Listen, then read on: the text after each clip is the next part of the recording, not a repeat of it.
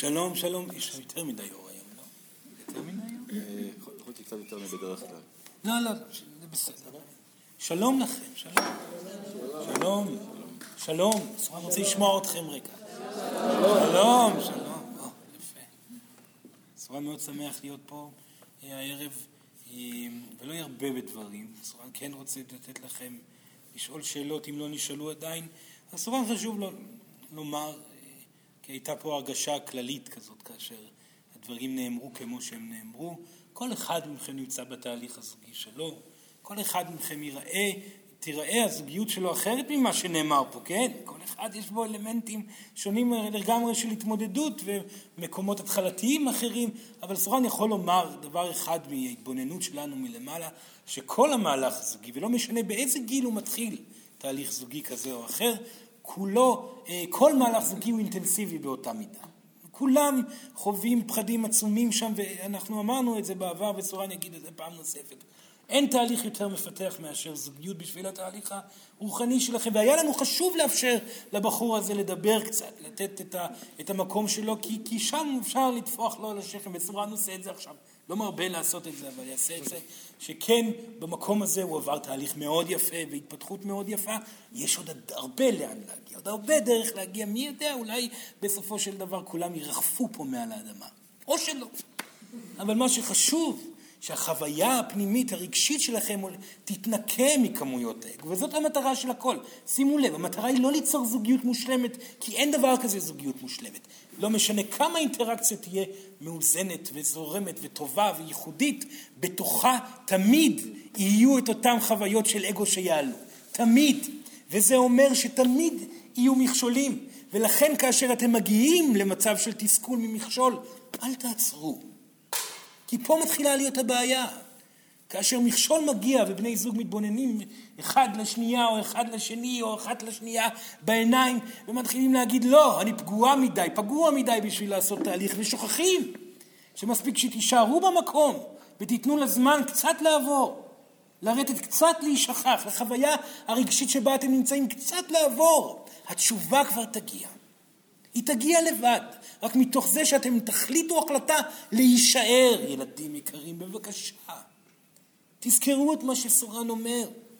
עכשיו כמובן שאם ישנם מקרים קיצוניים, שבה אה, דברים מנוסים אה, מצד אחד אך מצד שני אין שום אה, ניסיון, אז הדברים יגיעו לעבר אה, סיום באופן מאוד מאוד אה, טבעי, וזה גם סורן דיבר על זה בעבר, אבל כל עוד לא הגעתם למקום הזה, וכל עוד אתם יכולים לזהות את הפגיעות שלכם ולהתגבר על הפגיעות עצמה ולהישאר ביחד ולהישאר נוכחים ולעשות עוד שיפור קטן, אתם תגלו עוד פעם ועוד פעם בהדרגתיות, זה יקרה יותר וסורן מדבר מתוך אה, אה, ניסיון מאוד חזק בנושא ועד היום סורן נמצא בזוגיות שלו ולעבר האינסוף. וכבר סורן יודע, אתם אולי לא יודעים, אבל סורן כבר נמצא אחרי גלגול פיזי עם אישה אחת שבה חווה את כל התעלות הנפש הזאת ש, שדובר עליה, וזה אפשרי. אתם, כאשר אתם תעשו את העבודה הזאת בצורה יומיומית ואין לכם ברירה אלא לעשות אותה, אתם תזהו את ההשתנות הפנימית שקורית, את ההתרככות שקורית, את הבשלות שנוצרת, את האיפוק הרלוונטית, את השלווה של הגבריות או הנשיות שאתם תהיו בה, ואתם תתחילו לשדר את האנרגיה הזאת לעולם. מבלי ניסיון אתם תעשו את זה. כי אנחנו באנו הנה לא רק לתת לכם עצות בתקופה הזאת לגבי זוגיות, זאת לא המטרה שלנו בלבד. המטרה שלנו, וזה נאמר בשתי, בכמה מילים, זה נאמר בקודם, שהמטרה היא להציל את העולם, אנחנו חד וחלק אומרים את זה. כי העולם נמצא בסכנה. אנרגיית האגו נמצאת בו יותר מדי זמן. היא עוברת ללא הפסקה, מצד לצד, כמו טירוף. היא מתחילה כאשר הגבר והאישה מרגישים לא טוב אחד עם השנייה. והאישה, מבלי לשים לב, משליכה את האנרגיה הזאת על הילדים שלה, והגבר גם הוא.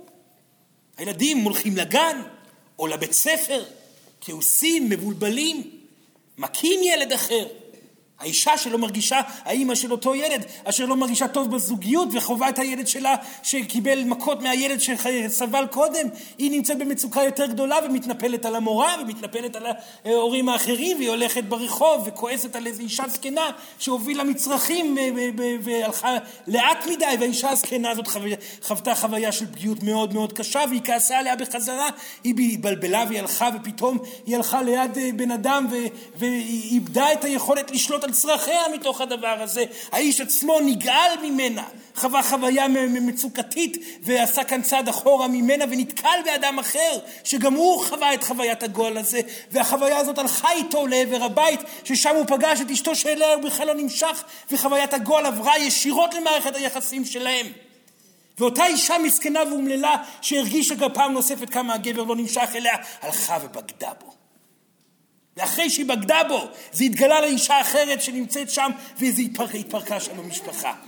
וזה ככה ממשיך, וממשיך, וממשיך, וזה נוגע בכולם, וזה מפרק את העולם שלכם לגורמים.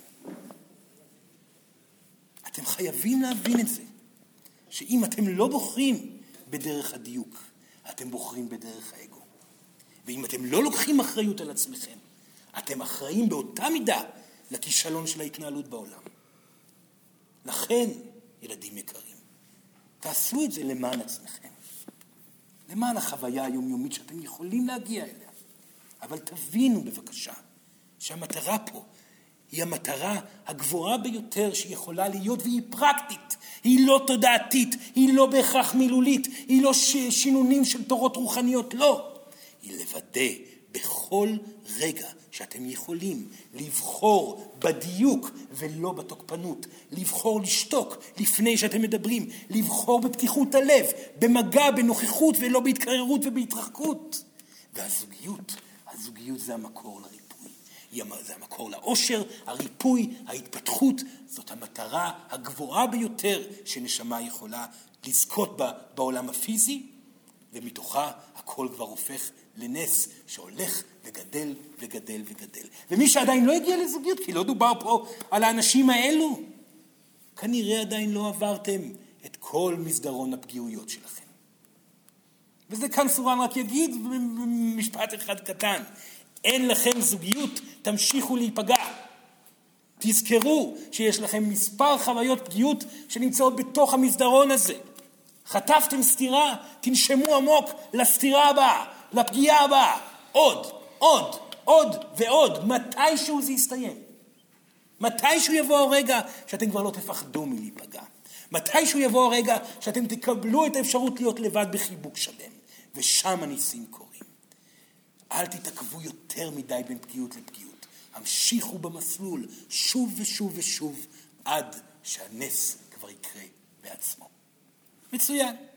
אין פה יותר מדי מה להעביר הלאה.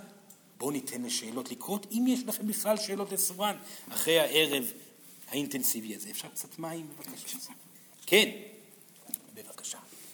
כל שאלה בכל תחום, זה לא חייב להיות בנושא הזה. כן, בבקשה. להוריד את, את, את הזכוכית. שלום, שלום לך. שלום, שלום, כן. סורן. אה, אני פשוט רוצה להבין, אני לא יודע מה לעשות, אני באמת מרגיש שאני עושה כל מה שאני יכול בחיים האלה, נראה לי, כנראה שלא. אבל uh, אני לא יודע מה הולך עם הגוף שלי, הוא פשוט קורס. אני הולך לרופאים, אומרים לי שהכל בסדר. היה לי, אתה יודע, בטריס, כן. ועכשיו הרופאה אומרת לי שהכל בסדר, אבל אני מרגיש כל יום, יש לי פריחה בכל הגוף, אני לא מורכז בכלל, אני מרגיש שהגוף שלי פשוט עוד שנייה גומר סיפור. כן. אז דבר ראשון זה לא נכון, הגוף שלו לא גומר את הסיפור. מדובר על תהליך רגשי שעדיין לא התקיים עד סופו. יש פה עניין של אובדן שליטה שצריך לקרות. לא להיעזר בגורמים חיצוניים, לעשות את זה לבד. ברור מה שסורן אמר? לחוות חוויה של אובדן שליטה. בואו נראה אותו מאפשר לעצמו לאבד, לאבד שליטה ולרגשות לפרוץ מבלי שליטה. הוא מאוד עסוק במה קורה איתו בגוף ופחות במה קורה איתו ברגש. התהליך הרגשי צריך להשתחרר יותר ויותר למען ההחלמה הרגשית, ואז הוא יראה עד כמה הוא בריא. יש משהו אקטיבי שאני צריך לעשות, פשוט לקבל את הסיטואציה? לקבל את הסיטואציה כמו שהיא, זה הדבר האקטיבי והנכון ביותר במקום שבו הוא נמצא. בסדר? בהצלחה לך. כן, בבקשה. כן, ילדה, כן. יש מצב כזה שהזוגיות לומר את השם. כן, שיפי. יש מצב שהזוגיות היא טובה ומלאה, ו- ומסביב יש אנרגיות של גברים, אה, שהלב פתוח כאילו לא בבגידות, אלא, אתה יודע, משהו מואר כזה, והשאלה אם זה מקרין משהו שלא טוב בזוגיות, רק נדמה ש... זה מאוד תלוי בבן זוג עצמו, כמה הוא מכיל את זה. הזוגיות, המשמעות שלה זה להיות רגישים לאחר או לאחרת. הוא מכיל מאוד, אבל אני, לפעמים קשה לי, אתה יודע שיש אנרגיות, אה, אה, גברים ונשים, וזה, וזה כיף, אני לא אומרת, אני מדברת על פלירטוטים. כן, כן, כן, סורן יש נביא. נשים וגברים, אה, שזה, החיים, אתה יודע, אחרי 20 שנה של, אה, של נישואים וטובים, ובית שהוא פתוח. אבל אה, ש, שמשהו קורה, אז כאילו, אני לא יודעת עד איפה, כאילו, אם זה בסדר, שאני נותנת לי דרור, כאילו, או שהוא נותן דרור, ואני מדברת לא על בגידות. כן, סורן נביא. השאלה, השאלה שנשאלת היא מהי בגידה?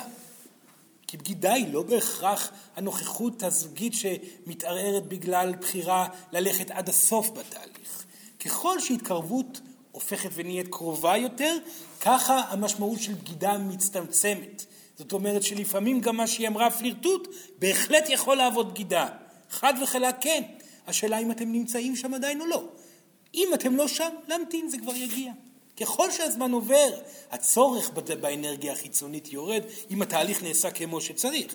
הצורך באנרגיה החיצונית יורד, והרגישות כלפי הנוכחות של האחר עולה יותר ויותר. ואז צריכים לבוא ולהגיד, בסדר, הנני זקוקה לפלירטוט, וגם אתה לא, ואנחנו בוחרים לחוות את החוויה הזאת יותר ויותר אחד עם השנייה. לעבוד אחד עם השני. אז זה כן מראה שיש איזה נכון. משהו שלא פתור. נכון, נכון, כמובן, תמיד יש משהו לא פתור. סורן יכול להגיד שהפלירטוט נעלם ככל שהדברים נפתרים עם הזמן. כן. כן, כן, כן, בבקשה. אני? כן. אמ, אני שומעת אותך, אה, ואני כל הזמן שומעת אה, כמה חשוב שבזוגיות יהיו מהמורות, כי רק משם אנחנו צומחים ומתפתחים. כן. ואין לכם ברירה אלא לחוות את המהמורות, זה לא בשליטתכם. אבל יש לי שאלה. אה, קודם כל, אני רוצה לדעת אם יש לזה גיל מסוים, כי אני מרגישה שכבר הגעתי לגיל שוואלה, אין לי כוח כבר לדרמות האלה, ואני ככה, ואתה ככה, ובוא נראה איך אנחנו... אה, מתחברים ומתקרבים. מתחברים ביחד, ותכיל אותי ואני אכיל אותך, ו... וכל הזמן יש התנגשויות, ויש ממולי דוגמה לזוגיות כזאת של חברה טובה, שהיא ישרה בעיניי, הזוגיות שלהם, שהם באותו גיל, באותו מצב, באותו סטטוס, ווואלה, והכל חלק שם, ויש פה ושם חילוקי דעות, אבל זהו, זה בדיוק כמו שאני רוצה ש... שיהיה. חלק כזה שאין לי כוח כבר ל... להיאבקויות. עכשיו, אני שומעת את ההרצאות, ואני שומעת לו, מיכל, זה בסדר. זה טוב שזה ככה, כי הנה, הוא אומר שככה צומחים וככה מתפתחים. ואני אומרת, אוקיי, אז מתי, ו... מה, לא יכול להיות שיש מצב כזה... דבר ראשון, כן. שהכל סבבה, ווואלה, הכל סבבה, אנחנו כבר עייפים. וככה כל החיים שלנו. כן, כן, סורן, סורן מבין. תודה רבה. דבר ראשון, כן אפשר להגיע למקום שכזה. המקום הזה הוא בכך שהמהמורות נלקחות בצורה שונה. אנשים שהגיעו לסוג הזוגיות שהיא מדברת, עברו חוויה עם עליות ומורדות והגיעו להבנה שלא צריך להתרגש. אפשר לדבר, אפשר להתקרב, אפשר להשתנות מבלי לעשות כזה או-הא מכל מהמורה שעוברת. זה הסוד לזוגיות שהיא מחפשת. זאת אומרת שתהליך המהמורות יוביל אותה לשם. דבר שני שיש לסורן משהו להגיד בו, אל תהיו כל כך בטוחים שהזוגיות שאתם רואים בצד השני של החלון היא כמו שאתם חושבים. כי סורן לא מכיר יותר מדי זוגות שנמצאים במקום שהיא מתארת אותה, ואתם נוהגים להסתכל אה, החוצה, וכאן סורן חייב לומר בכנות, רוב האנשים שחווים חוויה קשה בזוגיות ישמרו על איתות כלפי חוץ של הכל בסדר ויתגלו בכך, ורבים אה, אה, אה, מהזוגות האלו הם אלו שלהפתעת כולם בסופו של דבר נפרדים. אז יש לכם את הפייסבוק שלכם, שכולם מראים כמה האהבה היא פורחת, אבל אנחנו יודעים בסופו של דבר מה קורה שם בפנים, וברוב מוחלט של המקרים, בני זוג שמראים כלפי חוץ כמה שזה טוב, אז כלפי פנים הדבר הוא שונה. אז סורן מציע לכם להיות עסוקים בתהליך שלכם, ולא לנסות לשים את עצמכם בנעליים של אחרים, כי אין לכם מושג מהי ההרגשה בתוך הנעל, וישנם מקרים שתיכנסו לתוך הנעל ותגלו קוץ מאוד גדול. בסדר? כן, כן, כן, לא, רגע, רגע. כן, קודם כל תגיד את השם, כן. בקשר האחרון שלי, חוויתי זוגיות, בקשר עם הרבה הרבה פגיעות והרבה הרבה עוצמה. אז יש לי שתי שאלות. איך, איך אפשר להרגיש שבאמת משחררים קשר? ואמונה שבאמת יבוא מישהו אחר, שבאמת אם היה עוצמות כל כך גדולות, שזה יכול לקרות עוד פעם. האמונה, ילדה יקרה, היא לא רלוונטית. תפסיקו להיאחז בטוב. בשביל לצאת ממקום, אתם חייבים להיכנס לתוכו. אתם נאחזים באמונה, והאמונה היא מכשול מבחינתכם.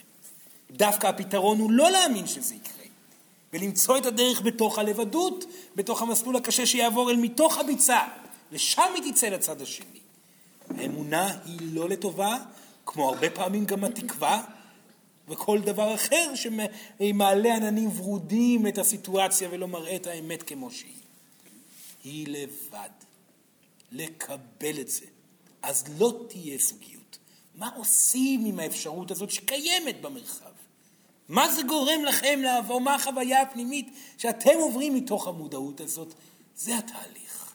זה המקום שעליה לפתור. ואז היא תהיה מופתעת איך אלוהים תתגמל במתנות.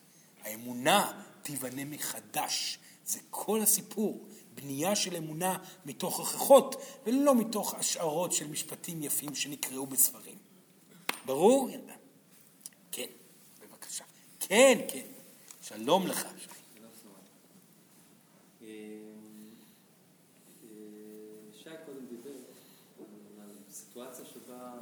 באיזשהו מאבק בזוגיות, והגבר צריך לשתוק, וצריך בסופו של דבר לעשות את מה שהאישה מבקשת, דורשת. ואני בתוך הזוגיות שלי יכול מאוד לשים לב איך, איך כשהיא מעבירה לי את זה בצורה שמייצרת אצלי נוכחות, הרבה יותר קל לי. אוהבת, בצורה אוהבת, כן. אוהבת. ולפעמים יש גם את הסיטואציה שהיא באה, דורשת או מבקשת מתוך איזושהי פגיעות, שאני מזהה. ואז זה אולי פחות מדויק. כן, נכון. מה, אז בסיטואציה הזאת, איך הכי נכון להתנהל? אז זה דבר ראשון, תודה רבה לך שי על השאלה הזאת, זה מאוד משמעותי. כאשר אתם כגברים, זו שאלה של גבר לעבר אישה, שואלים את השאלה, איך אני יכול לגרום לה לבטא את המילים שהיא רוצה להגיד מתוך מקום רגשי מדויק יותר. זאת אומרת, אני אוהבת אותך ויש לי את הדבר הבא להגיד. או אני מאוזנת מולך ויש לי את הדבר הבא להגיד. כאן האחריות היא שלכם. ופה נשאלת השאלה, האם אתם רוצים שוב להיות צודקים, או האם אתם מוכנים להקל עליה בחוויה הנוכחותית על מנת שיהיה שיפור בתוכה. הבחירה הזאת היא בעייתית כי האגו שלכם מתפוצץ מיד אל מול השאלה הזאת. וכן, ככל שגבר בסיטואציה כזאת יבוא ויחליט לבוא ולבחור את המקום שבו הוא מעניק לאותה אישה ביטחון, והרבה פעמים זה יהיה על ידי נשיכת שפתיים מאוד מאוד חזקה, אז כך פתאום הוא יגלה שהמילים ודרך ההתבטאות תבוא באנרגיה פתוחה יותר. לכן הפתרון מגיע בוויתור עצמו. לכן הפתרון מגיע כאשר אתם מניחים את הנשק ואומרים, הפעם אני לא אצא לקרב, הפעם אני אאפשר לתנועה לקרות מבלי שאשלוף חרבות ואתחיל להילחם על חיי. כאשר דבר שכזה מתפתח יותר ויותר, אישה חובה ביטחון וגם אפשור להבעת אהבה, ומתוך זה גם מילים מדויקות. אז הפתרון הוא תמיד פסיבי. במקרה הזה, במקרה כמו שהוא מדבר עליו. סורן לא, זה נכון לומר שישנם מקרים שאישה שנמצאת בחוויה פגיעותית גדולה מדי תצטרך לקבל גבול מסוים, אך גבול לא יכול לבוא בתוך כעס. גבול לא יכול לבוא מתוך אה, אה, התחזקות של הגבר שלי, הרי גם ככה היא פגועה. היא פגועה, היא מפוחדת, והנה הגבר שאמר שהוא בוחר בה, הופך ונהיה אה, אה, לוחם גדול ומאיים. למה לעשות את זה? אפשר להציב גבול, אם בכלל יש צורך, ברכות ובאהבה, ולרוב זה אומר, קודם כל לא להיפגע, להתרכך, לא להציב את הגבול, להמתין לזמן הנכון, ואז לבטא את הדברים שיש לכם להגיד אל מול אותה אישה, במקום שהוא לא פגוע והיא כבר לא פגועה.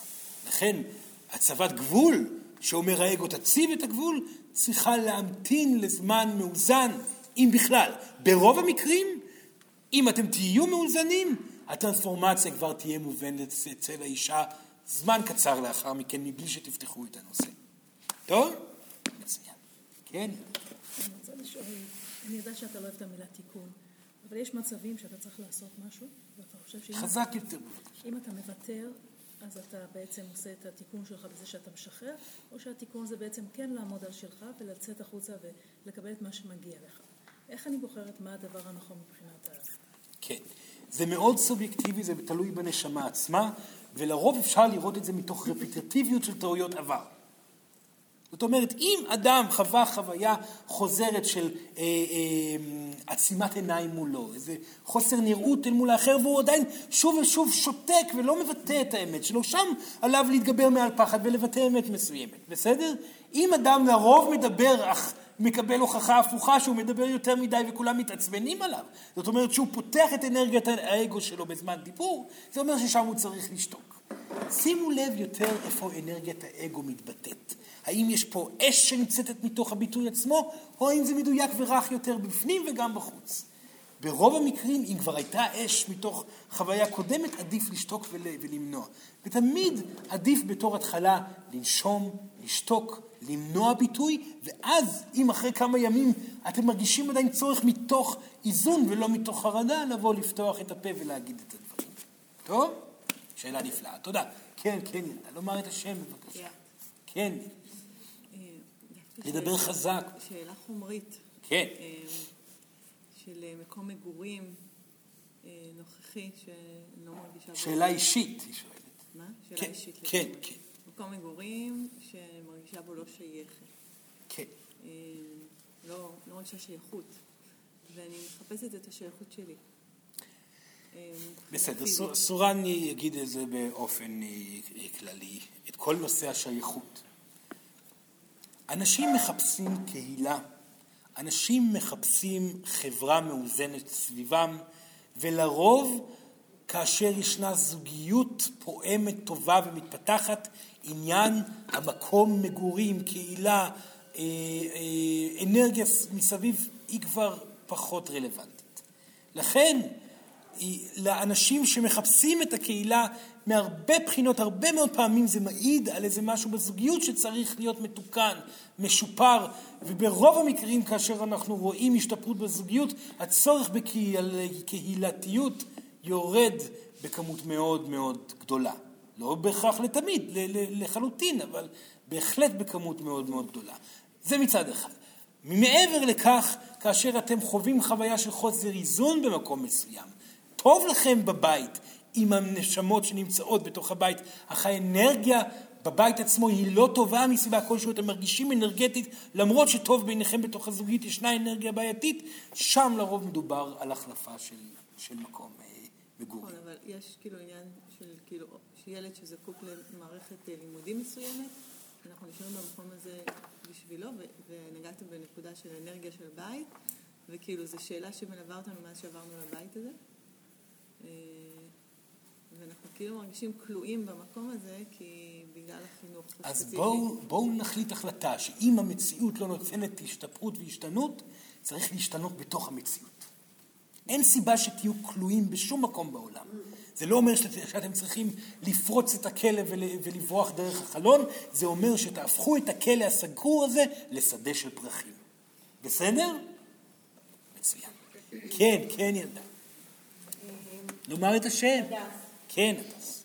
מה? אני מרגישה שמחוץ לזוגיות, אני בן אדם שמאוד אה, מתפתח, מאוד אה, יודע לוותר על האגו, ובזוגיות אני בן אדם אחר. אני לא כן. מצליחה לעשות את כל מה שאני מצליחה לעשות בחוץ. כן. ואני שואלת את עצמי, עם כל העבודה היפה שעשיתי במהלך החיים, עם כל אני לא מצליחה, השאלה אם זה משהו ששווה לי להתעקש עליו ולהמשיך, שמשהו שאני צריכה לבד... יכול להיות שהמערכת היחסים הספציפית הזאת היא לא נכונה לי, היא מוציאה ממני את הדברים הלא טובים שלי. כן. מתי אני יודעת אם זה חלק מהתיקון, מהמשהו שאני צריכה לעבור, או מתי צריך לדעת אם לוותר? שאלה נפלאה, תודה רבה, הדס. דבר ראשון, אם מערכת זוגית מוציאה ממכם את הדברים הלא יפים שבכם, זה מקום טוב מאוד להיות בו, לפחות עד שהיא לא תוציא ממכם את הדברים הלא יפים. בסדר? כי אם הזוגיות משפיעה עליכם בצורה כזאת, עליכם, ואתם מחויבים להגיע למצב שהיא איננה משפיעה עליכם ככה, כי אם אתם תצאו מהזוגיות בעודכם מושפעים מהאנרגיה הזאת, תבוא זוגיות אחרת שתשפיע בדיוק על אותו מקום. השינוי הוא פנימי שצריך לקרות בתוך הסיטואציה הזוגית. לכן סורן מבקש מכל מי שהשאלה הזאת רטטה בתוכו, תעצרו רגע, ממה אתם מפחדים? מלהיפגע, מלהינטש, מחוויה שלא רואים אתכם, לא אוהבים אתכם, תפתרו את הנושא הזה, קבלו את הלבדות, אפשרו בחירה לאהוב ולא להיות נאהבים, כי זאת המשמעות של זוגיות, זה גם לא נאמר קודם. זוגיות היא לא הציפייה שיאהבו אתכם, זאת טעות איומה ונוראה. אי אפשר לחיות בזוגיות מתוך ציפייה שיאהבו אתכם. הזוגיות מושתתת על ההבנה שהאושר מגיע מתוך הנתינה ולא מתוך הקבלה. נקודה.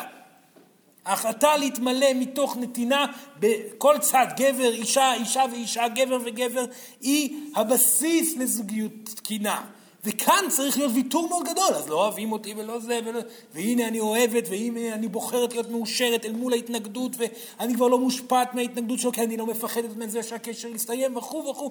כל התהליך שיקרה מתוך ההתקרבות יפתור את הנושא הזה. ובמיוחד אם אתם אנשים שהצליחו לעשות מהלך גדול בתחומי החיים האחרים, ונשאר הנושא של הזוגיות בליבה, הגיע הזמן להתנפל אליו פנימה בתוך הקשר הקיים. לאחר מכן, אם יהיה שינוי שלא יניב תוצאות מהצד השני, הקשר יסתיים באופן טבעי.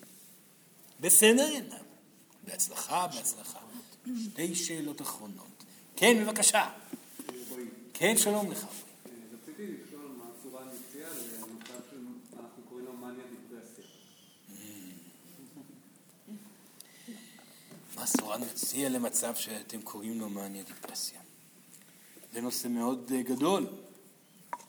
אה, כל סיטואציה של חוסר איזון נפשי, שהגיע כבר לתוצאה התנהלותית לא מאוזנת של חוסר חיבור לקיים, היא נובעת מתוך פחד מאוד גדול ולא מטופל. וזה משהו שכולם יצטרכו להבין, כי גם סכיזופרניה זה אותו סיפור. האמת שכל מחלה שכזאת, שהן מחלות קשות במיוחד.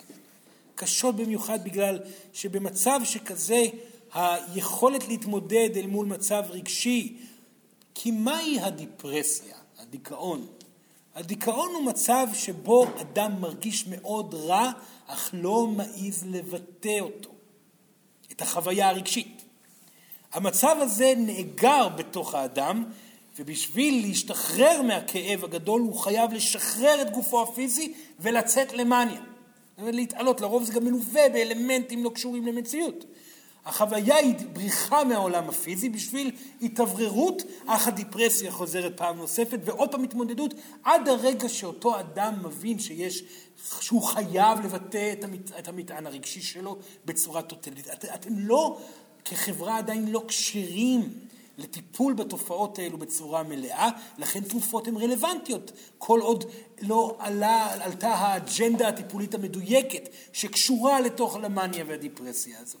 אז לאנשים אשר נמצאים במודעות, בעוד הם נמצאים בתוך הרעש האינסופי שנמצאת, שבתוך ההזיה, ומתחילים להבין שהדברים שהם רואים ושומעים ובטוחים בקיומם לא, הם לא אמת. עליהם להיעזר באחרים.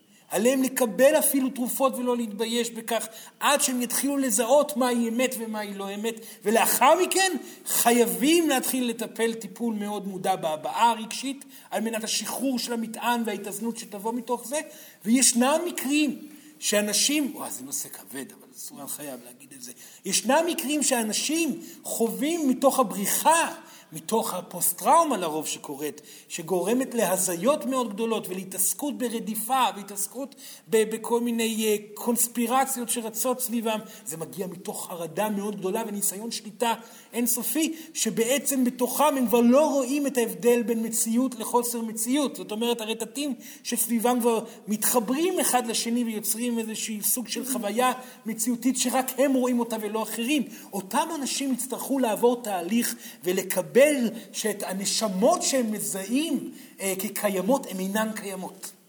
ולקבל את זה שיש חוסר היגיון מאוד גדול, אך אותם נשמות שהם בטוחים שקיימות, הם אינם, למרות שהן מדברות אליהם, ולמרות שהן אה, צועקות אליהם, תקשיבו לי, תקשיבו לי, להגיד לא, אתה לא קיים, אתה ביטוי של המצוקה הרגשית שלי, ואני, למרות שאני רואה אותך יום-יום, אני מקשיב לאנשים שקרובים אליי ואומרים לי שזה לא קיים, כי הם כבר הוכיחו לי שזה לא קיים. תהליך שכזה יאפשר לביטוי רגשי, ואז גם להשכחה של החוויה אה, ההזייתית. סכיזופרניה זה לא דווקא שהם רואים ישויות שאנחנו לא רואים?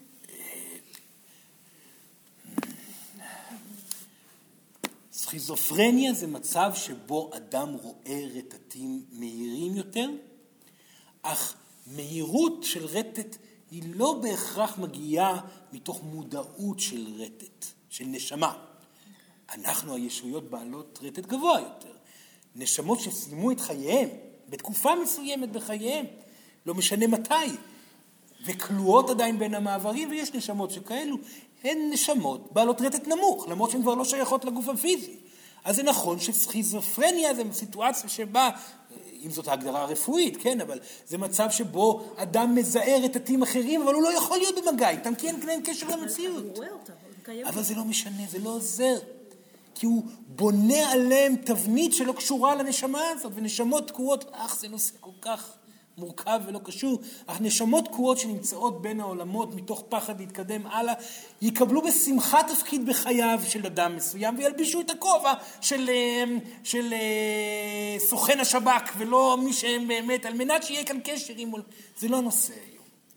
אבל זה נכון מה שהיא אומרת במידה מסוימת. הפתרון הוא הניתוק המוחלט. טוב? נושא לא פשוט. כן. כן. רגע, שאלה אחרונה, ילדים יקרים. כן, ילדה. כן, בקול גדול אבל, בבקשה. אתמול אירע מקרה מאוד מזעזע, ביות אנחנו נמצאים בו ברעננה, שבה בגלל להש וויכוח בין בעל ואישה, האבא לקח את הילד, רצח אותו בצורה מאוד אכזרית והתאבד לאחר מכן. ואני מנסה לחשוב איך אפשר להסביר את זה מבחינה רוחנית, ולא מצליחה להבין את הדבר, זה ממש מטריד אותי. איך אפשר להסביר את זה בצורה רוחנית? ההסבר הוא לא פשוט ולא מתקבל. ההסבר מגיע מתוך הבנה שנשמה שפוגעת היא נשמה פגועה.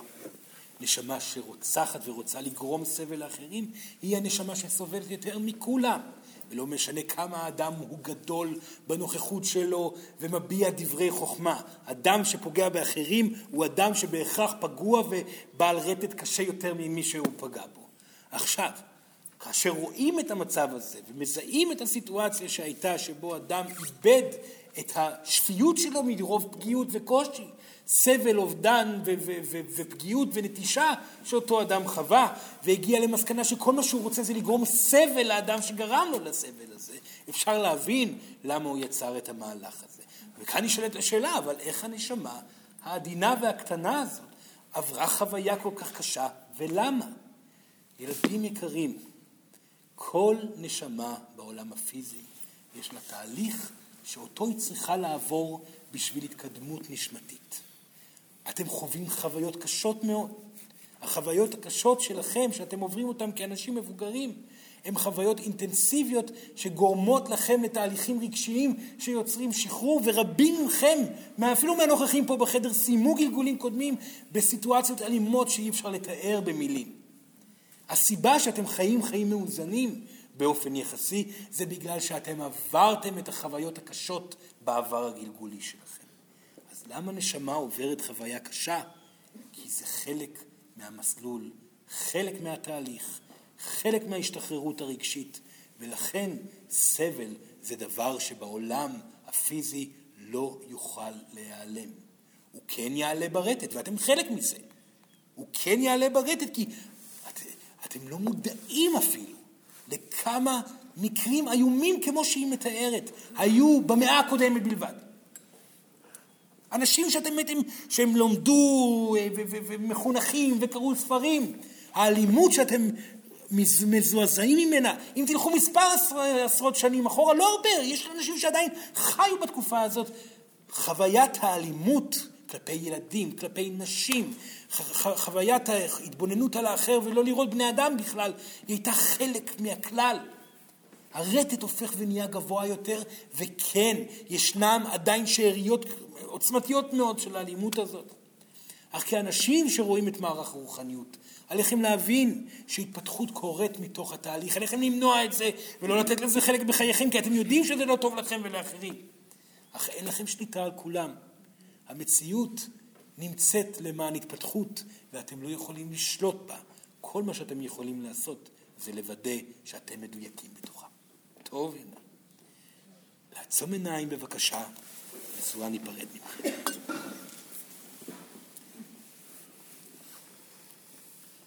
ביחד עם סורן שלוש שאיפות עמוקות. שאיפה הראשונה, נשיפה.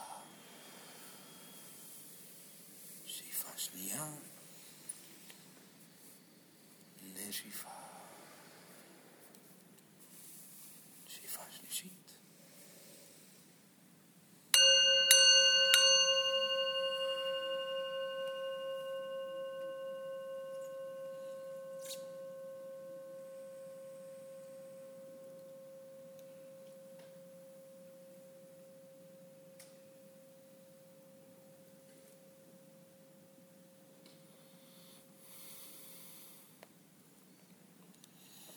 נפלא.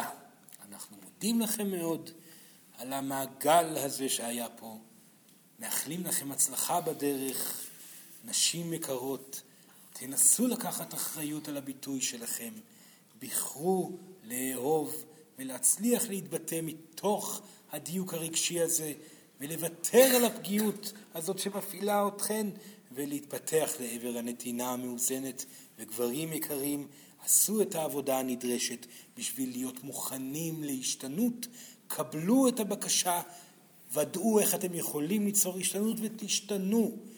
תנסו למנוע מאבק, ואם כבר קרה מאבק, וכן קרה ההתנגשות, אל תוותרו על הזוגיות, ותנסו להתקרב בכל פעם שזה קורה באותה מהירות שהייתה התפוצצות, בואו נראה איך אתם חוזרים באותה מהירות לקרבה. וסורן יאמר את זה שוב לסיום. כל מה שאתם צריכים לעשות זה לבחור את הביחד, ואם תצליחו פעם אחת ביום, למרות כל הקשיים שאתם חווים, להתחבק חיבוק אחד של אהבה אמיתית, פעם אחת ביום, סורן מבטיח, זה כבר מתכון להתקדמות בחלק גדול של התהליך. תודה רבה לכם. ובהצלחה בדרך. תודה רבה.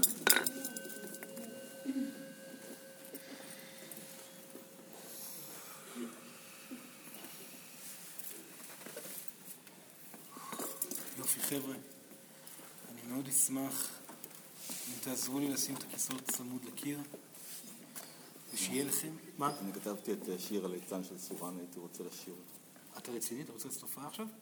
הופעה? לא, רק לשיר שיר. יא, לא. הוא רוצה לשיר שיר.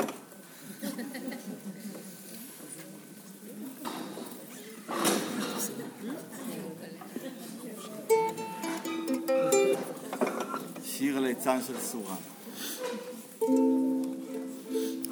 לפני שנים די רבות, אם זיכרוני לא בוגד בי, הייתי נסיך וכובש, וגאה בכל מה שיש בי. על אופנוע חדיש, הייתי קורע את הכביש, ומאחוריי נסיכה, או לפחות נסיכה לשעה. אבל אז פגשתי את צורה, פגשתי את פגשתי פגשתי את צורן, לא ידעתי שזה מסוכן. פגשתי את צורן, פגשתי את צורן, פגשתי את צורן, הוא אמר שאני הליצן. ישבתי לי בין חברים, בהיכל של מר אלוהים. הוא זרק לי מלא מתנות, חוויות, תארים, עבודות. בחצר אז היו מסיבות, והייתי חביב הבנות. לא ידעתי אז להפנים שזה בסך הכל חיים. אבל בצ'קרה שלוש הייתה לי פצצה מתקתקת, שכוונה לשעת פורענות. השעה שאינה מאחרת, השעה שבה פגשתי את צורן, פגשתי את צורן, פגשתי את צורן, לא ידעתי שזה מסוכן.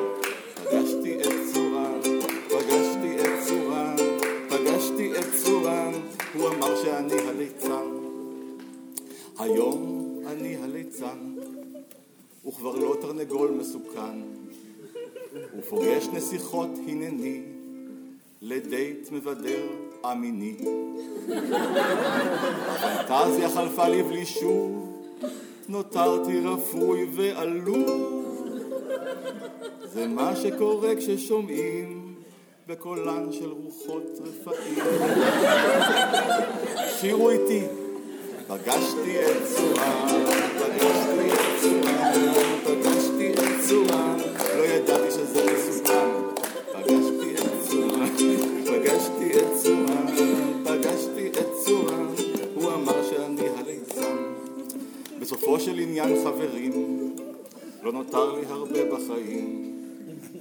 לבכות לבדי באמבט, לעבוד כמו חמור מזופת. אולי בתחתית של הבור, אראה לבסוף את האור. ארחף בין כוכבי השביט, או לפחות אקבל הסבה מקצועית. ואז אודה צורן, פגשתי את צורן, פגשתי את צורן, והתחלתי לצחוק כמובן. פגשתי את צורן, פגשתי את צורן, פגשתי את צורן, ולנצח אהיה הליצן.